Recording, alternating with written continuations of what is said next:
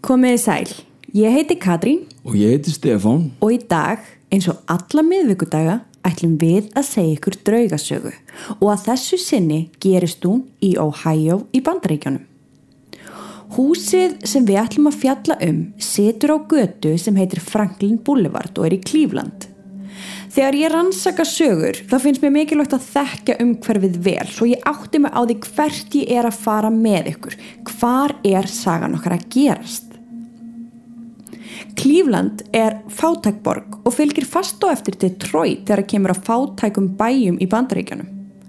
Glæpatíðnin er mjög há. Það er meða við að einn af hverjum 17 verði fyrir einhvers konar glæp, hvort sem það er þjófnaður, líkamsárás eða morð, sem er hansi hátt. Það er gríðalegt. Þetta er svo fjarrri okkar skilningi hérna heima. Maður líka vissi maður þekki Detroit Já. einhvern veginn, en ég þekkti ekki. Nei, Klífland er bara svona, maður veit ekki um það. Þannig að þegar maður skoðar Franklin Boulevard á Google Maps þá sérðu fátagslega götu þar sem umferðaljós hanga á svona vírum og ljósastöyrar eru þaktur auglýsingum og no parking skiltum. Já, þetta er svona eða gett á Þetta er svolítið ghetto. Húsin í götunu eru flest timburhús og þau eru alls konar. Sum pínu lítil og sjúskuð, önnur starri og tignalegri en innan um þessi venjulegu íbúðarhús er stór, grár, múrsteins kastali. Hann passar engan veginn inn í þetta umhverfi en þarna situr hann og hefur gert það frá árinu 1881. En hvað er svona merkild við hann kastala? Ó, svo mikið því þarna inni voru leindarmál grafin inn í veggjum húsins bókstaflega og ílskan og bölfunin hefur fyllt kastalanum frá upphafi. Verið velkomin í Franklin Castle.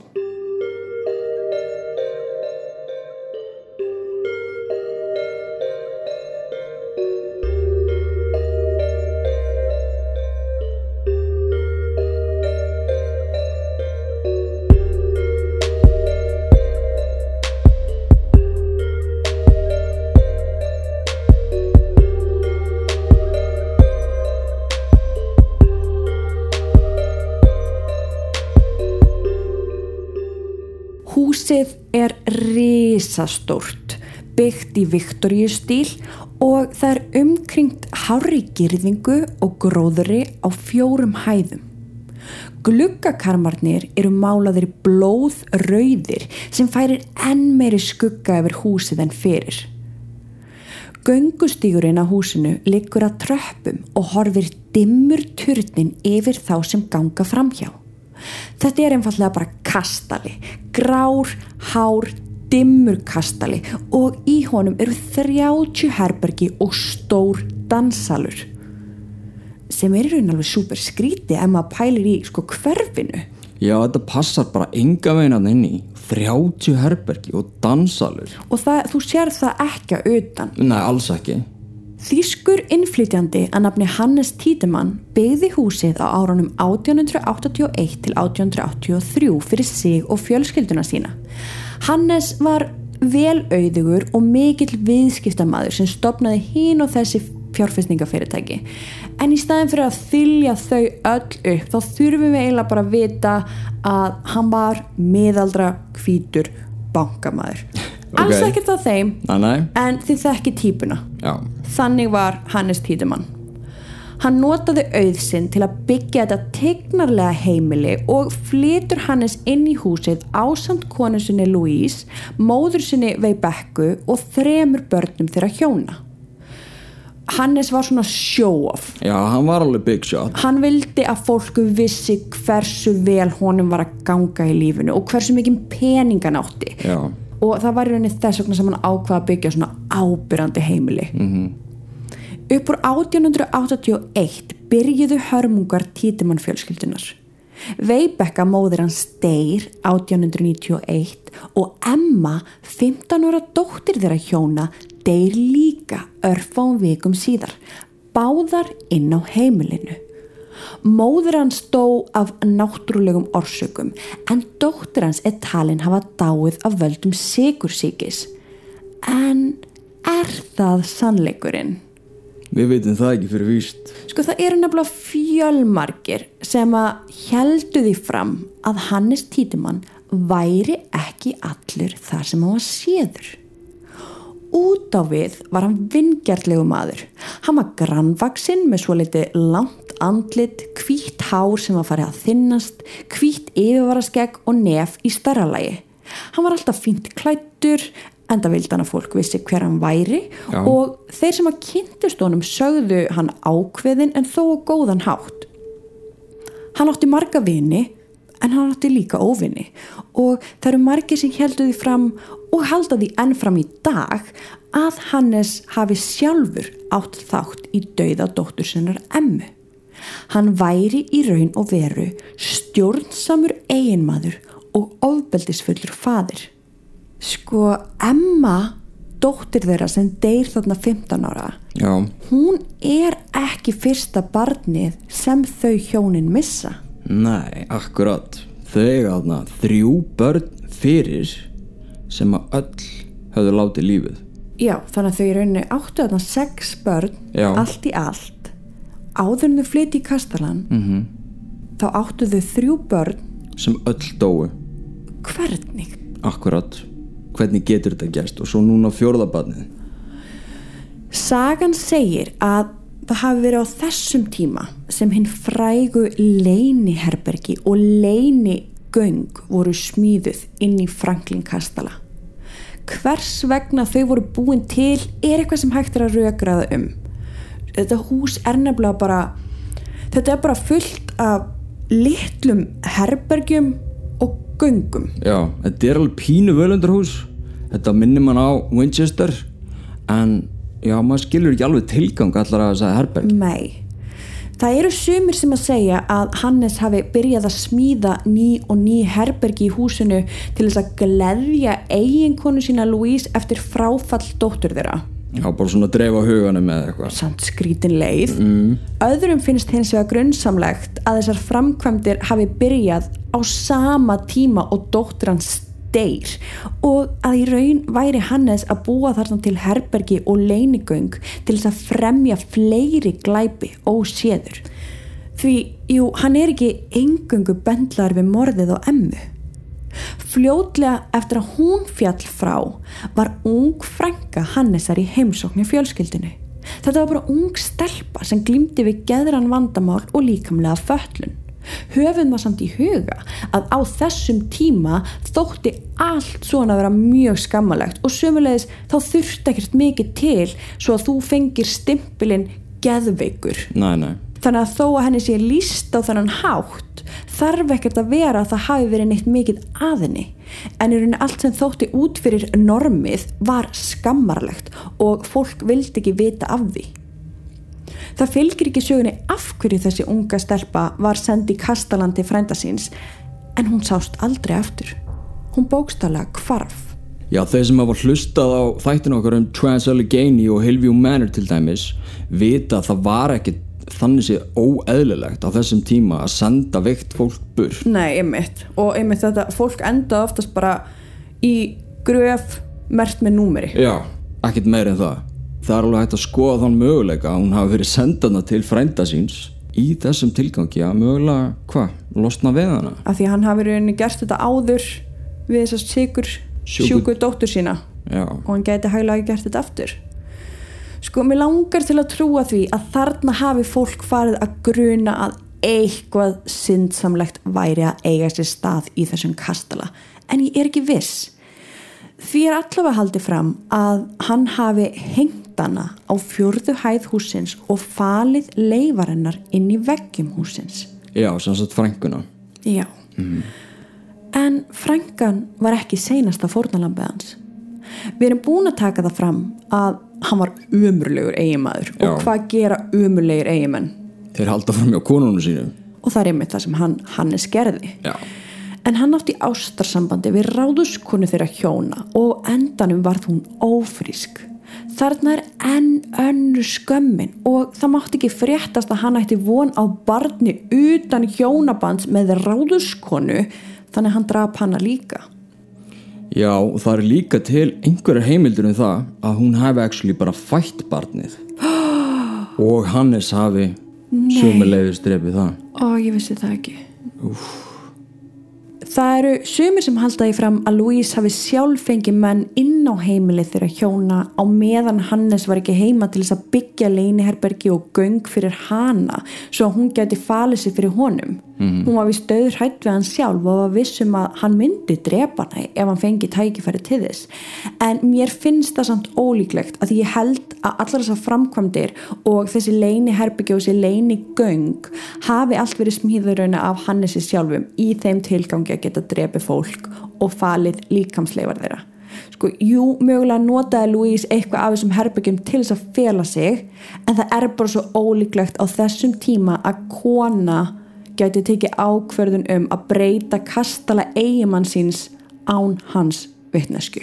Já, eiginlega því miður þannig að þessar þú veist, þessi, þessi rauk fyrir því að hún hafi látið byggja þessi göng Eiginlega. það er eiginlega bara mjög hæpið til þess að fela sig fyrir eiginmannin Það stemmi bara ekki, það stemmir sko. ekki sko. Louise Tiedemann deyr síðan 1895 úr livrabilun 57 ára gömul og það er ekkert meira sagt um það. Nei En þú veist, livrabilun getur að verið áfengi, ofnótkun á livjum, eitrun Einmitt. Var eitrað fyrir henni Einmitt.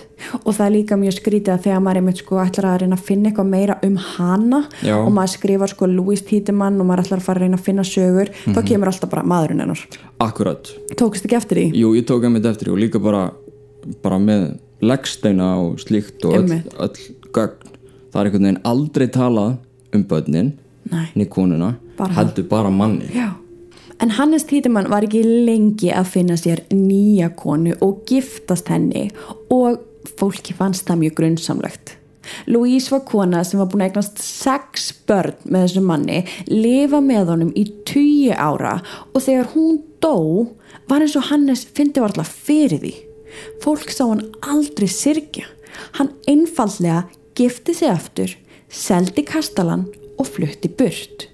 Við vitum ekki hvert hann fór eða hvar hann endaði en við vitum að þetta nýja hjónabandans endist ekki í ár og það virðist vera að ógæfan hafi eldan í þessi 13 ár sem hann livði eftir andlát konu sinnar sem sagt fyrstu konu sinnar Já, en hann deyr síðan skyndilega 1908 Já. Það sem er svo ótrúlegt er að andlát Hannesar var til þess að ættatrið títimann endaði. Já, það, það bara er fáralegt Sko hann var, hann var svo fyrsti Já. í títimann ættlagnum -hmm. og ótrúlegt en satt var hann einnig sá síðasti. Hugsa sér, hvernig getur þú verið svo fyrsti og svo seinasti Sko því að öll börnin hans og meiri segja barnabörn Já, létust öll áður en hann dó. Hugsa sér Ok, við vitum að þessum þremur sem áttu að faða dáið áður en þau flutt í húsið. Já, Svo deyr Emma þessu sikursiki Já, og þá ætti að vera tvö eftir.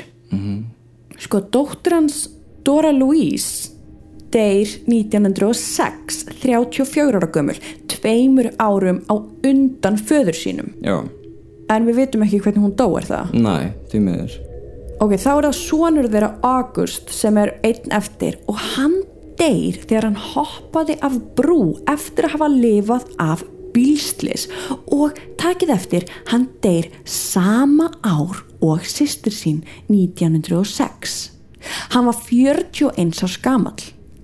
Dauði hans var úrskurðaður sem sjálfsvík en fólk var ekki alveg að gangast við því.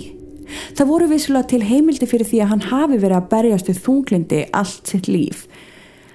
En ég get ekki annað en, en pælt og ég veit að við erum ekki alveg sammála þarna Nei, sko. en það er bara því að heimildirnar eru á reiki Já. Við veitum ekki hvort að hann hafi lendi í þessum árakstri Mhm. -hmm. og svo bara hoppa beint að brú og dreipi sjálf sig að því áraksturinn virkaði ekki Já, þú, já, er, það, það er mín kenning svo er mín sko kenning svo að hann hafi lent þarna í áreikstri og fengi heilaskað og eflust, þú veist, laskast eitthvað sem Já. hefur raunin verið enn einn skömmin ah, fyrir Hannes Títumann sko, sigur síkin, svo hann eitthvað laskaðir sonur, Já, við vitum það ekki. Næ, það er alveg hægt að spá í þessu. Akkurat.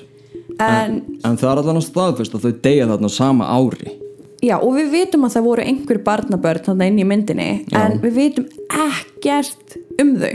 Nei. nema bara það að þau voru öll dáin á undan Hannesi.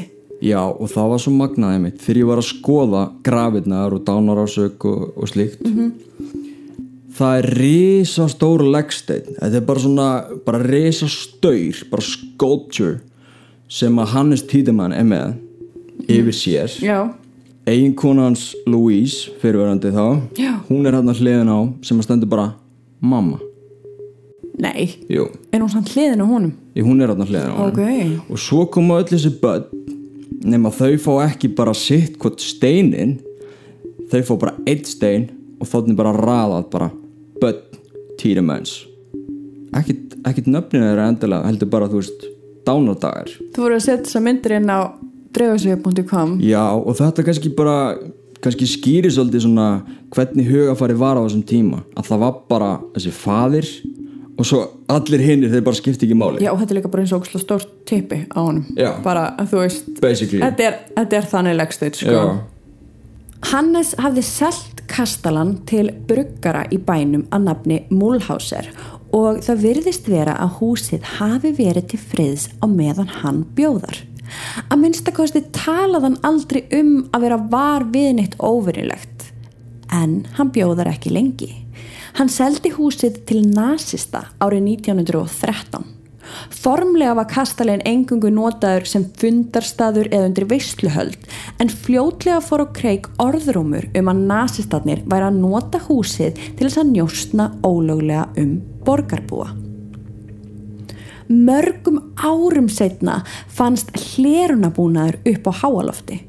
Það meiri segja gengi svo langt að segja að nazistarnir hefðu notað leinigöngin undir kastalanum til þess að hrúa saman fólki og skjóta þau, bara drepa þau. wow Þeir áttu að hafa stækkað göngin, lengt þau, þannig að þau fóru mun lengra en fólk grunaði. já, ok En það hefur greinilega eitthvað laðist með fram veggjum Kastalans á meðan hann var í eigu nazista.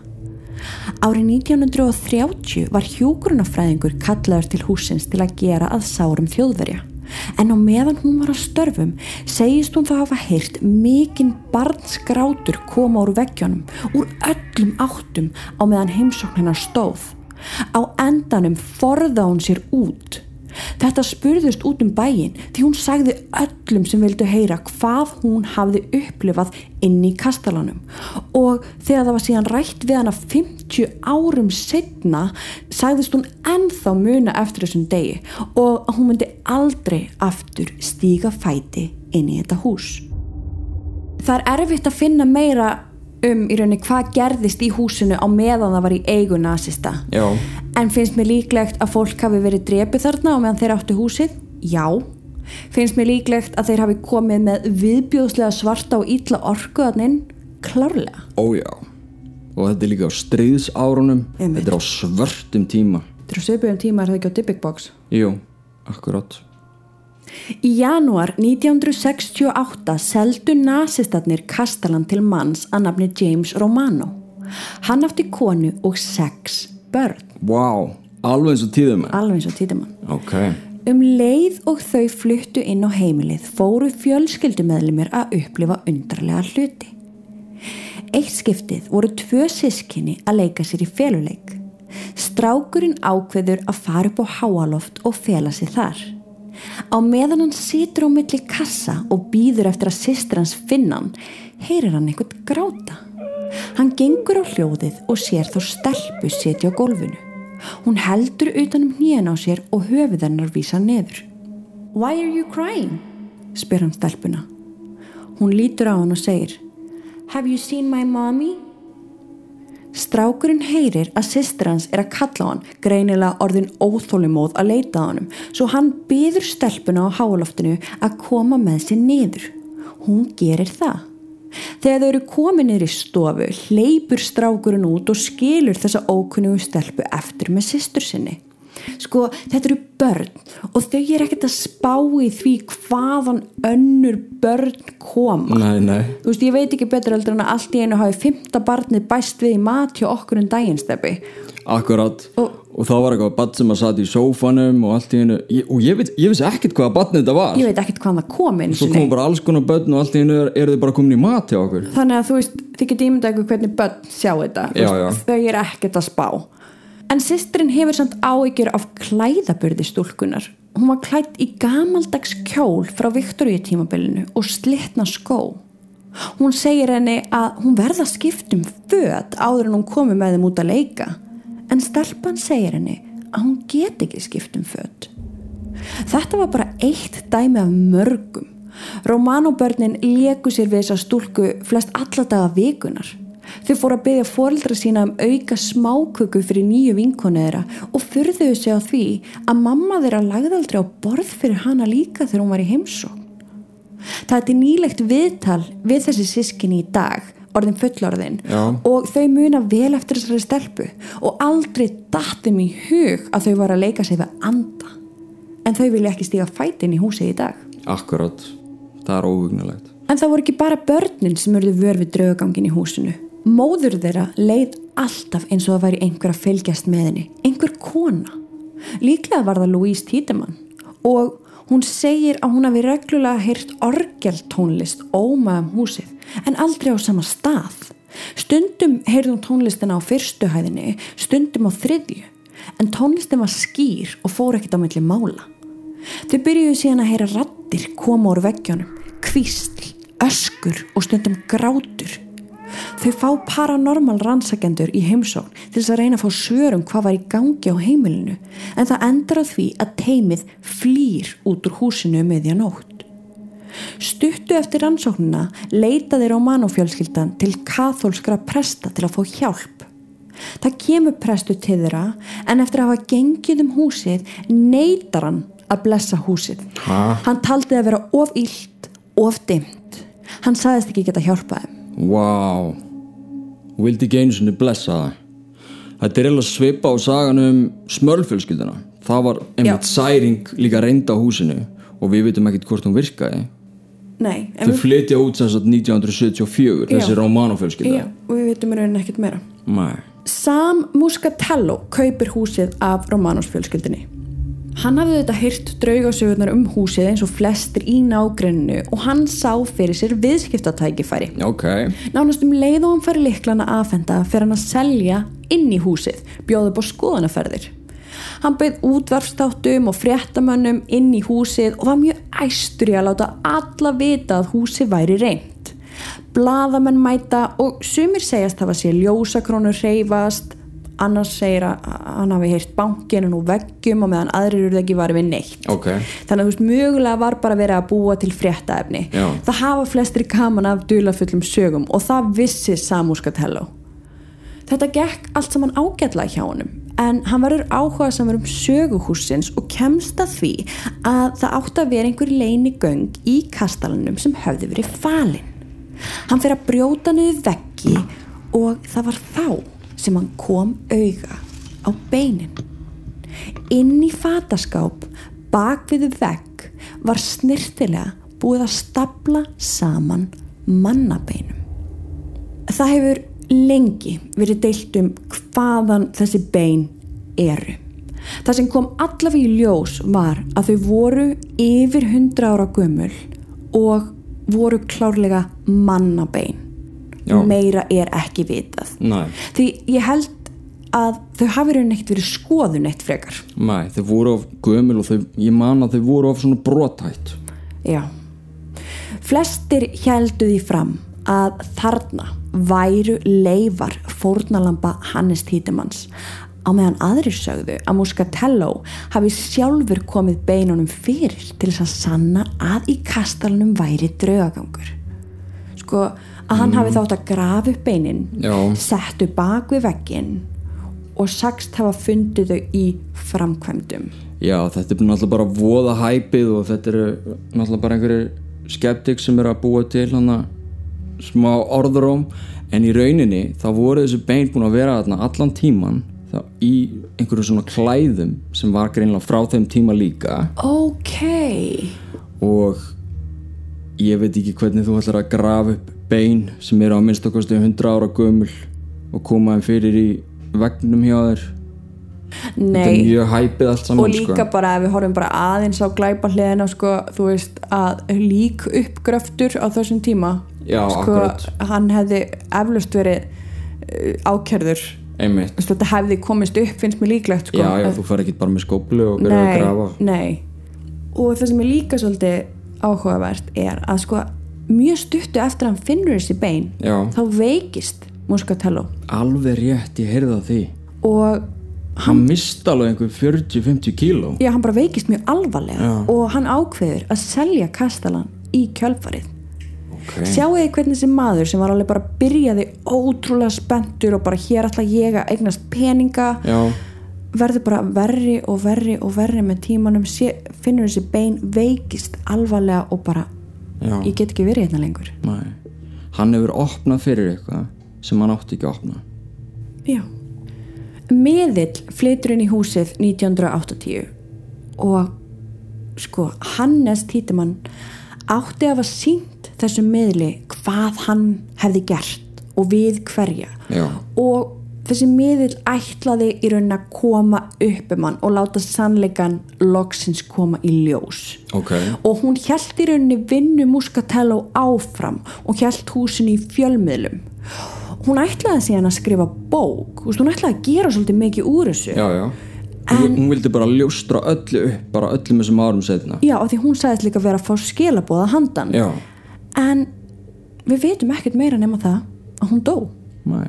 En tökum hana fyrir og eftir að því hún kemur svo aftur. Hún gerir það. Sko húsið gengur á milli fólks í nokkur ár og þar á meðal til Richard Hongisto sem var þáverandi lauruglustjóri í Cleveland.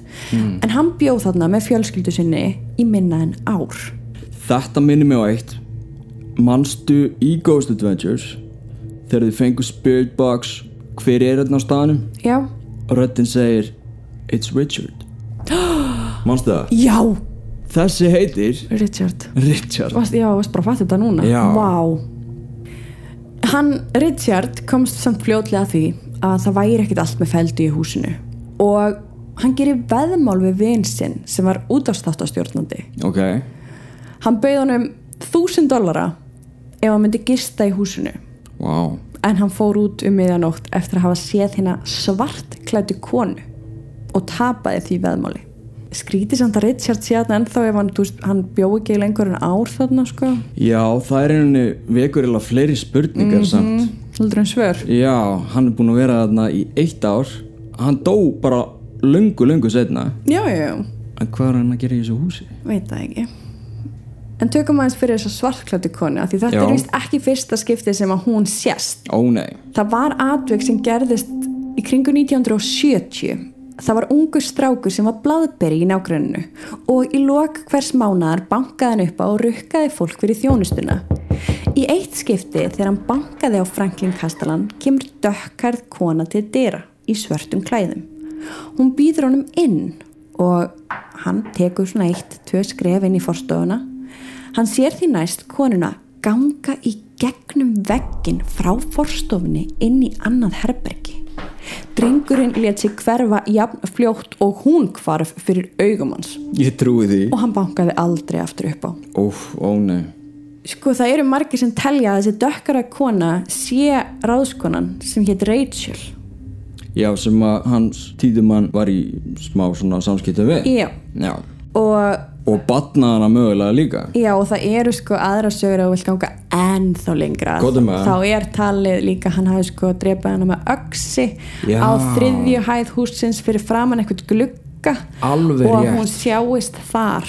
Já, ég fann engar frekari heimildi fyrir því þannig að þú veist ég Nei, ekki en hún ég er, sér samt ennþá í þessum glugga. Já, en sko ég, Vá. ég er ekki að segja að þetta sé endilega sönn saga, þetta Nei, eru nei. bara vangaveltur hjá fólki. Já, Einhver tíman á áttunda áratögnum kaupir kona að nafni Helen Kastalan. Hún fyrir strax að finna fyrir óþægilegri nærvöru. Ósýnilegt afl fór að ítinni niður stegan oftar en einu sinni og oftar en tvísvar. Aldrei slasaðast hún alvarlega sem betur fer. Hún og maðurinn hennar fór að finna fyrir þunglindi og deburð en um leið og þau yfirgáfu húsið fór út að borða með vinum eða jáfnvel bara í göngutúr var eins og þungu fargi væri af þeim létt og skapið þeirra breyttist. En um leið og þau stegu aftur inn í húsið urðuðu þunglind aftur. Og þetta minnir mig smá á The Sally House. Já, þegar þau voru að reyna að gera upp barnaherbergið. Fengu aldrei framtagssemina Nei. í það kom Nei. þeim aldrei á stað. Emmett þetta er í rauninni bara típist oppression dæmi Já. það sem að fólk finnur fyrir bara svona þunga og erfileikum og alls konar dimmum hlutum þegar þeir eru inn í húsinu Mhm. en um leið að þau fara út þá er allt gott og það er þá tengt í rauninni við djöfulegt afl sko. já, því miður en við veitum ekki alveg nei, nei, þarna. þetta getur líka bara verið virkilega neikvægt afl Einmitt. Eiginmaður hennar heyrði oft barnsgrátur koma innan úr veggjum og endanum ákveðu þau að nota svona gamalt segulbandstæki og taka upp yfir nótt. Þar náðu þau skýrum röddum. Það var maður að öskra á barn. Barni grét og síðan var eins og það væri einhvers konar ofbeldi. Í lokin heyrðist í klukku tefa. já, þetta er í rauninni bara sko EVP í þeirra dögum Já, bara gamalt segulband. bara gamalt segulbannstæki í rauninni alveg svo við notum núna nema bara með aðeins svona minna og fýtna og þægilegra tæki Mhm. en þetta er bara basically EVP á þessum tíma Já. og þarna náðu örgulega bara residual orku og einhvern atbyrð, slæman atbyrð sem er bara búið að grafa sig inn í veggi húsins Já. Það sem ég finnst líka bara svo skrítið er, þú veist, hversu dáleitt er þessi kona af því að sko, þessi Helen af því að hún, ef það tala um hann í dag þá vil hún meina að það hafa aldrei verið neitt að meiða sig Einmitt. þú veist, og þá var bara spurt býtur því að var ekki verið að henda henni stegan okkur sinnum?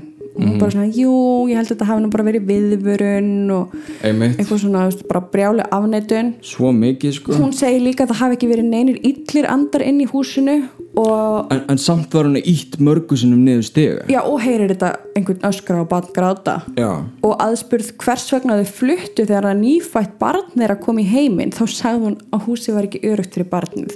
Þannig að hmm, þetta er pínu svona þversögn já, Já, ok. En þetta verðist hafa svolítið áhrif á fólk, þetta hús, einmitt að segja ekki of mikið. Mm -hmm. Hvað er meðlinn? Mm -hmm. Hún er týnd. ummitt Svo kemur þessi. þetta er spes Þetta er mjög spes. Snemma árs 1984 kefti Michael DeVinco Franklin Castellan og gerði nánast strax miklar endurbætur á húsinu.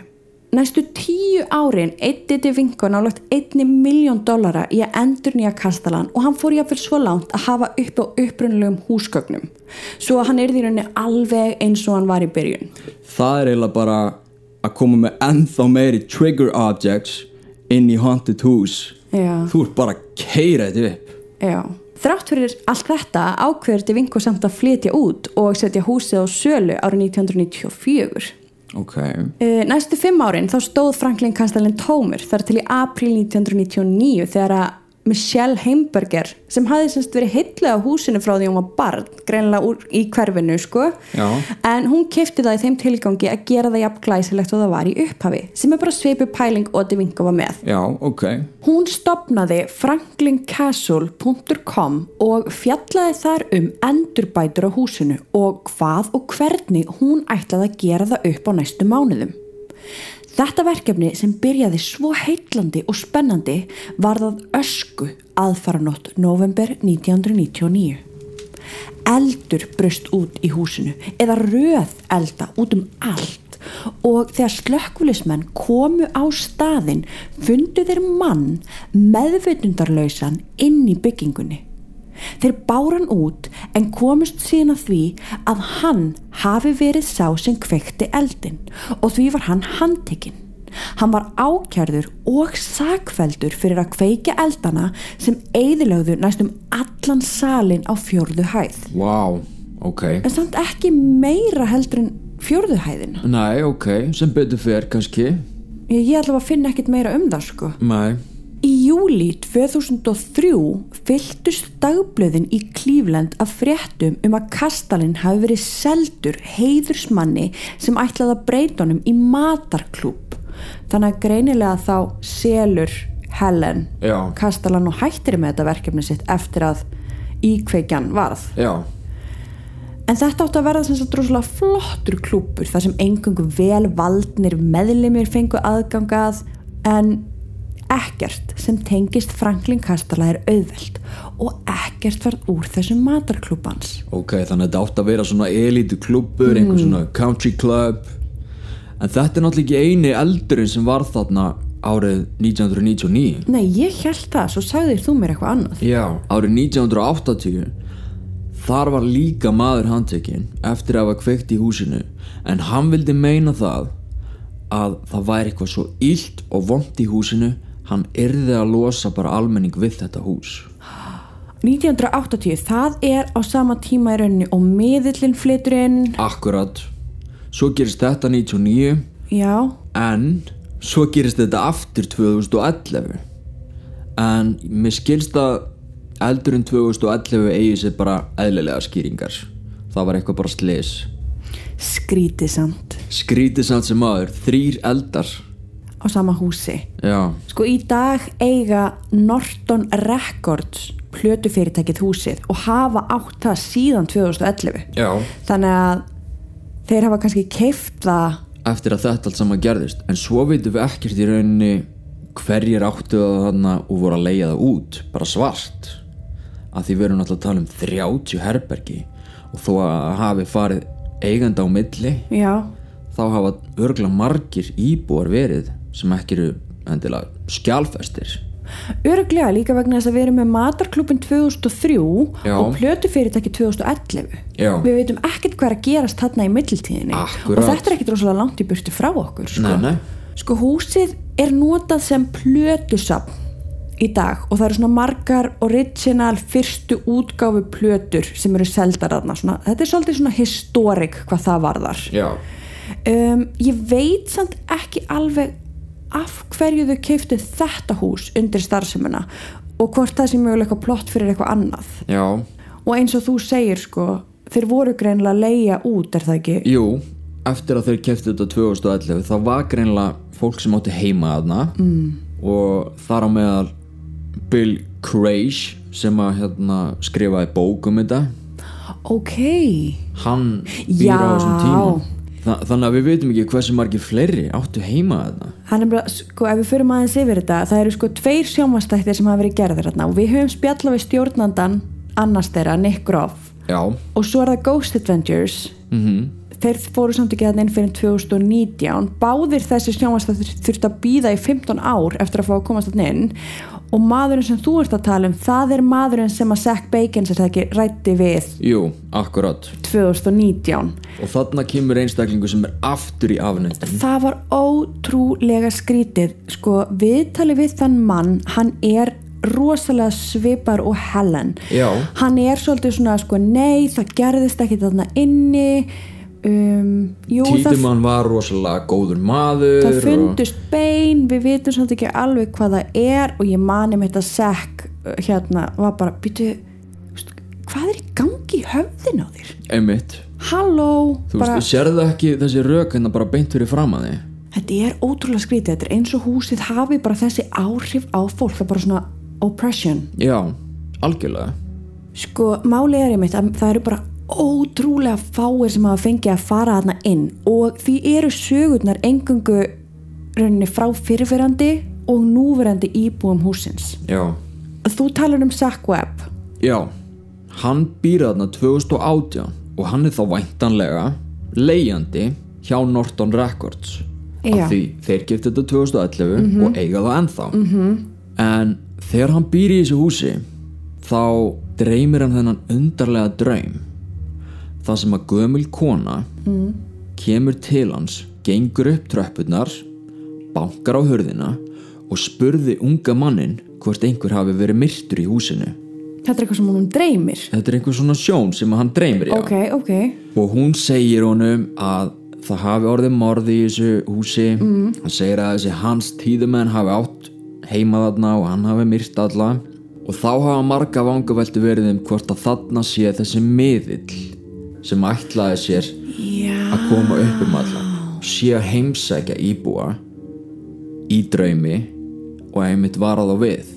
Því að Aaron Goodwin úr Ghost Adventures hann upplifið þennan nákvæmlega sama draum fyrir rannsókn þeirra á húsinu. Já, það. þess að vita nokkuð um konuna eða draumin hjá þessum Zack Webb Sami draumurinn hjá þeim báðum. sami draumurinn hjá þeim báðum og hún, sem sagt, þessi kona hafi sannanir fyrir því og vildi svona meina í þessum draumum að það væri hennar svona samfélagslega ábyrð að upplýsa alla sem að búa í húsinu um þessi morð sem voru framinn þarna af Hannes Tíðumann Ok, ef það er í rauninni markmiði hjá þessum anda Já. þá er þetta mjög líklega miðlinn vegna það var Já. markmið hennar í lífinu líka.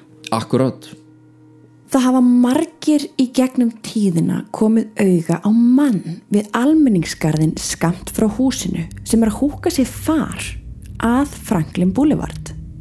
Maðurinn er klættur í föt frá átjóndu öld og hann talar ekki droslega mikið. Hann þakkar fyrir sig eftir sumarferðirnar ef hann er ekki horfin úr bílnum áður. En maðurinn er sagður líta alveg eins út og Hannes Títimann og garðurinn sem hann sést húka far frá er ymmit garðurinn þar sem hann dó. Og þetta fannst mér merkilegt þess að sko ég vissi rauninni ekki hann dó ábúrslega nálagt húsinu. Já, það var bara ekki drosalega langt frá. Þó að húsið standi þarna en um 140 árum setna er líkt og svart ský vaki yfir eigninni sem ekki vil hverfa. Líkt og skuggar yfirgnæfi allt sólskinn sem reynir að skína á það. Þó að það ríki svo þessi þunga tilfinning innandýra er það ekki vegna þess að það endur spögli útlitt þessa utan. Heldur miklu frekar þá skelvingu sem átti sér þar stað fyrir öllum þessum árum. Ílskan fóðruð í herbergjum. Sársaukin bundið sig við gólvefnið. Líkt og blettir sem aldrei nást úr, sem og sorgin sem ekki rægt að mála yfir. Líklegt þykir að líkamsleifar séu mun fleiri en eru ófundin og öskur barnana sem heyrast eru þeirra sem setja föst innan í dökkum veggjum húsins, býða enn eftir því að finnast og einhver heyri í þeim kalla eftir hjálp. Ég vona að ykkur hafi líkað þáttur dagsins um Franklin Kastalan. Þið sem eruð áskrifundur geti núna farið inn á Patreon og hlustað á þáttin um Dakota bygginguna í New York sem er byggingin þar sem John Lennon var skotin. Ef þú ert ekki orðin áskrifandi þá getur gert það inn á patreon.com skástrygg draugasögur. Eins viljum við hvetja alla til þess að fylgja okkur á Instagram undir nafninu Draugasögur podcast